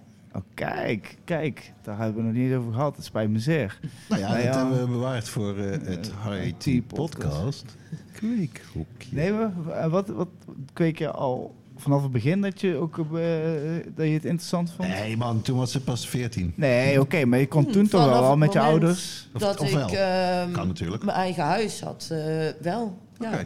Vanaf 19, dus, ik, Uh-huh. dus is denk ik al 20 jaar. Dus Kijk. dat ik, eh, niet ieder jaar hoor. Uh-huh. Ehm, soms eh, past het niet op het balkon of had ik daar geen zin in. Of, ehm, maar meestal heb ik wel eh, iets staan, ja. En wat heb je dit keer? Eh, Ehm, de Gran Geffa van Natalia. Oké. Dus, ehm, Is die van de Plugseeds? Of, nee, eh? die is van Greenhouse. Oh, oké. En ik had Dutch Passion, eh, de Passion Fruit en ehm, nog één. Ik had Apple Crumble. Ik had, ehm, ik had best wel wat leuke, maar het was gewoon... Het, was, was niet veel zoveel, regen, hè? nee. Nee? Het was te veel regen, ja. Ja, Want met ADE is het meestal knipfeest. Dus, maar we waren op zich redelijk snel klaar. dus ehm, Maar doe je dat met een paar vrienden die in de buurt... Ja, oh, leuk. op de after dan krijgt iedereen een schaar. en Echt, dan, hoor? eh, ja. Maar kan niet zijn dat je misschien ook eh drie kwart voor de toppen weg hebt geknipt dan? eh? Nee, ik hou ze goed in de gaten. Omdat je ze zo toch een beetje dubbel ziet misschien. eh. Nee, het viel, eh, het viel wel mee.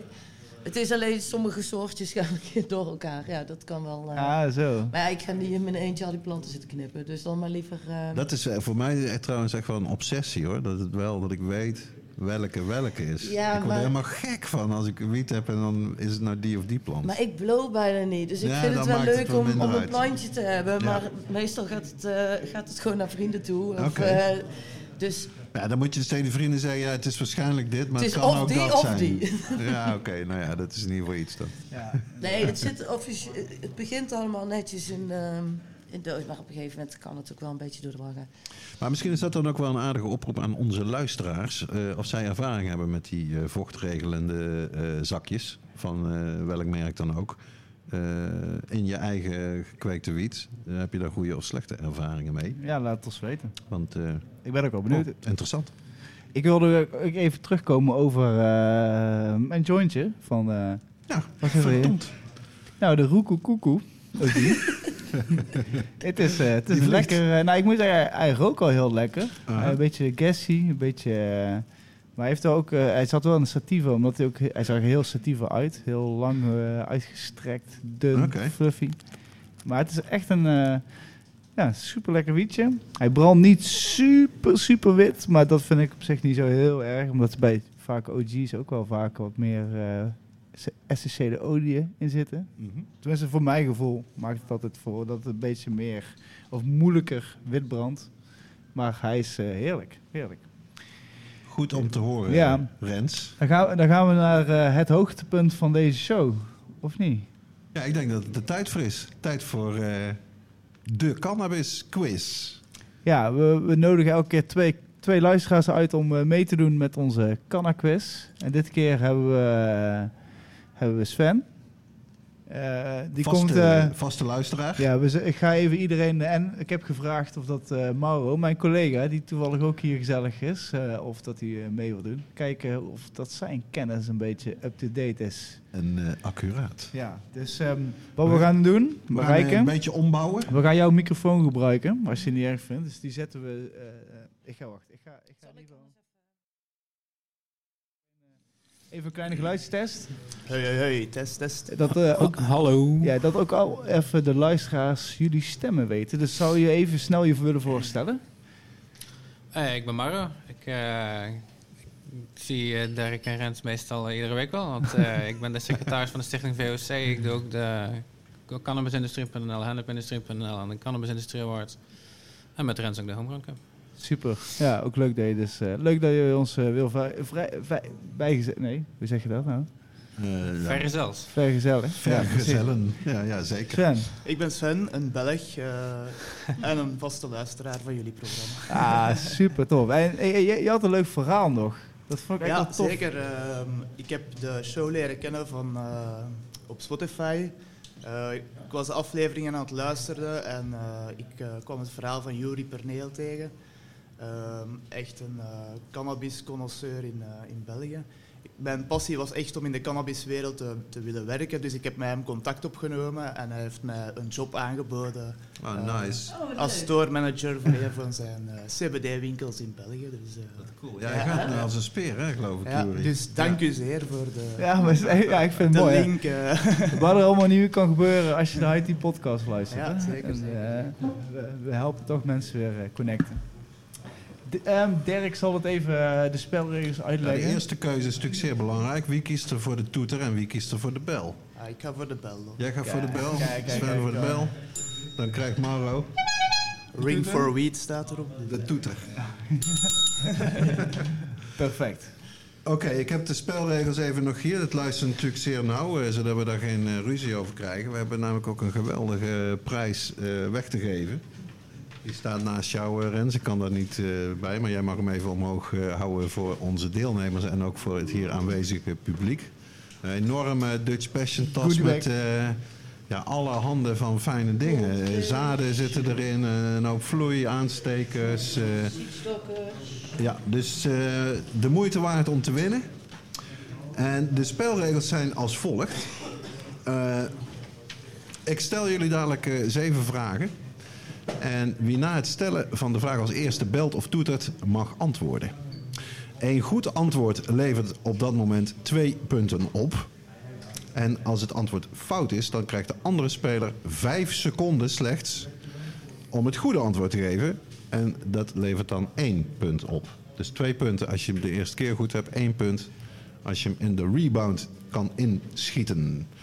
Een fout antwoord levert in beide gevallen nul punten op. Eh, eerder deden we het met puntenaftrek, maar eh, ik heb met Rens een lange discussie over gehouden vandaag. En jij Ik vond het te- eh, ik vond het te negatief. te negatief, hè? Aftrek ja. van punten, daar ben je niet van. Nee, gewoon, gewoon hebben wat je houden. Houden wat je hebben. Alleen maar plussen, hooguit nul, maar niks eraf. Dus ik weet niet hoe, maar hij heeft me ervan overtuigd dat dat de juiste manier is om verder te gaan met de quiz. Bij een gelijke stand na zeven vragen volgt een shoot-out vraag. En eh, als de speler die het eerst belt of toetert de vraag goed beantwoordt, wint hij of zij de quiz. Hij in dit geval. Eh, is het antwoord fout, dan wint de andere speler. Dus, dus dan is het niet meer dat die ander hoeft te rebounden. Het is gewoon goed of fout, do or die, Dirk, gladiolen of. Ja, grafkist. Ja, ja, ja, ze weten het. Ja, ik probeer, de- ik probeer te zorgen dat ze een beetje zenuwachtiger worden ervoor. Dus ik zou zeggen, hand aan de toeter, hand aan de knop. Dan komt hier de allereerste vraag van onze Cannabis Quiz. Wie het weet, mag het zeggen. Haiti Podcast presenteert... Wie het weet, mag het zeggen. Vraag 1. Er zijn mannelijke en vrouwelijke wietplanten. Welke worden in de koffieshop verkocht? Sven, De vrouwelijke. dat is het juiste antwoord. Oeh, dit is een moeilijke, want enigszins een lokale vraag. Wie schreef en zong het nummer Hashisman? Wie... Eh, Arma.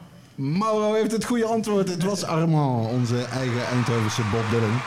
Luister het nummer na op eh, YouTube of waar je anders muziek eh, luistert, Hashisman. De zon is jouw vriend. We gaan door naar vraag 3. Op welke datum begint de aanloopfase van de wietproef in Breda en Tilburg? Mauro? Ja, 15 december. 15 december. Ja mensen, het is een vrijdag.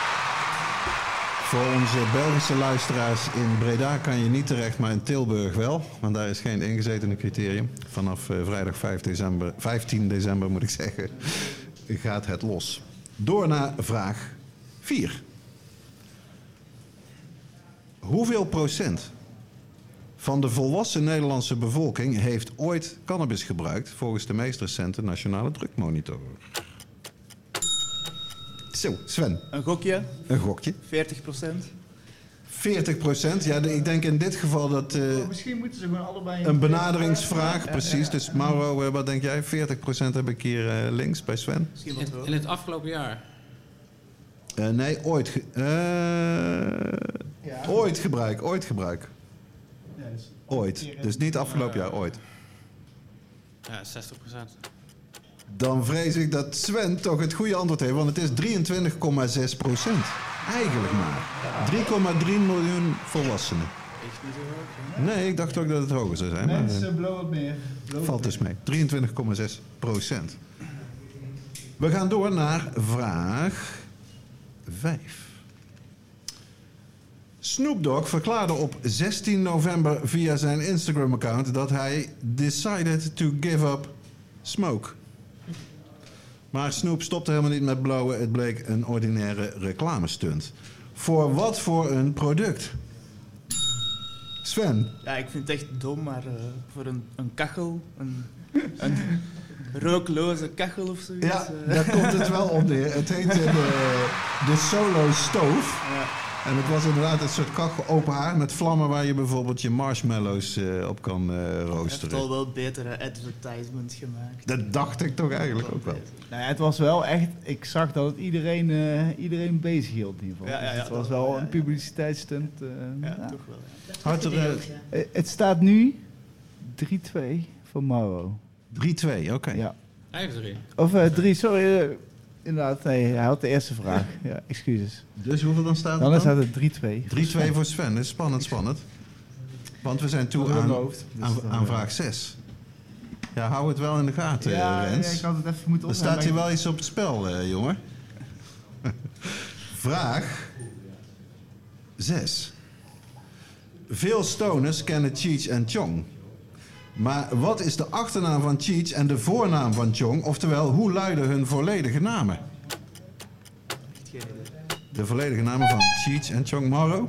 Tommy Chong en Cheese Ah. Marin. Helemaal goed. Jazeker. Dus staat het nou gelijk, hè?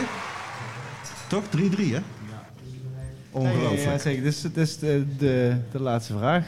De laatste en beslissende Hou je vraag. hand bij de bel, want het is niet de allermoeilijkste vraag voor deze cannabiskenners, moet ik wel eerlijk zeggen.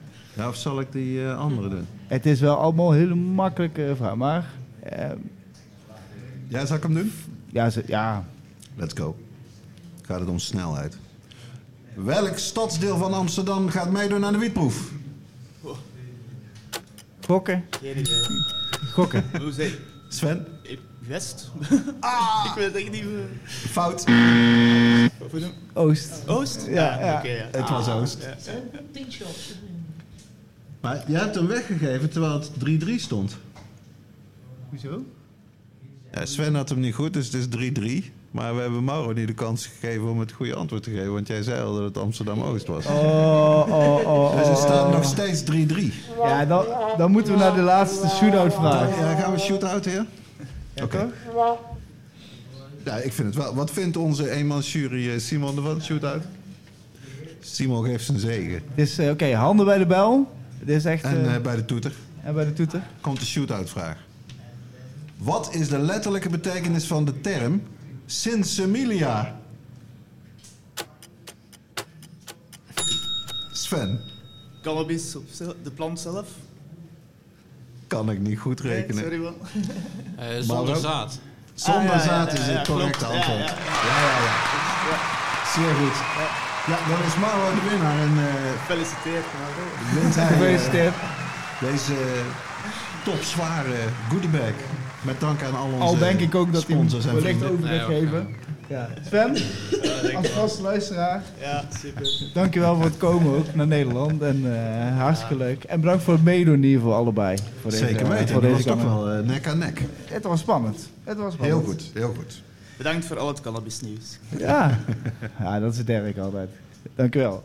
Ehm ja, daarmee komen we aan het einde van deze 82e aflevering van de High Tea Podcast. Ik, eh, ik wil heel graag de mensen van de High Times eh, bedanken dat we weer hier een podcast mogen op- opnemen. En voor alle lekkernijen En die voor de ze goede klaar zorgen. hebben gemaakt en Ja. eh, neer hebben gezet natuurlijk voor onze gasten en voor ons. En natuurlijk bedankt aan onze gast van vandaag Marijke. Jullie bedankt heren. Ik vond het heel gezellig. Ja, wij ook. Wij ook. Zeker Het was een, een, een super gezellige middag. Eh, iedereen wees welkom bij de, de, de volgende opname hier in de High Times. Dat is de laatste van de vier. Eh, op zondag 21 januari. En dan hebben we in ieder geval als gast mijn eh, oude en goede vriend Joop Mestrom, hoofdredacteur van cnnbs.nl en hoofd- ex-hoofdredacteur van de High Life en de Essentie. Een, eh, een heel bijzonder eh, kerel met zeer veel verstand en ervaring eh, van onze lievelingsplant.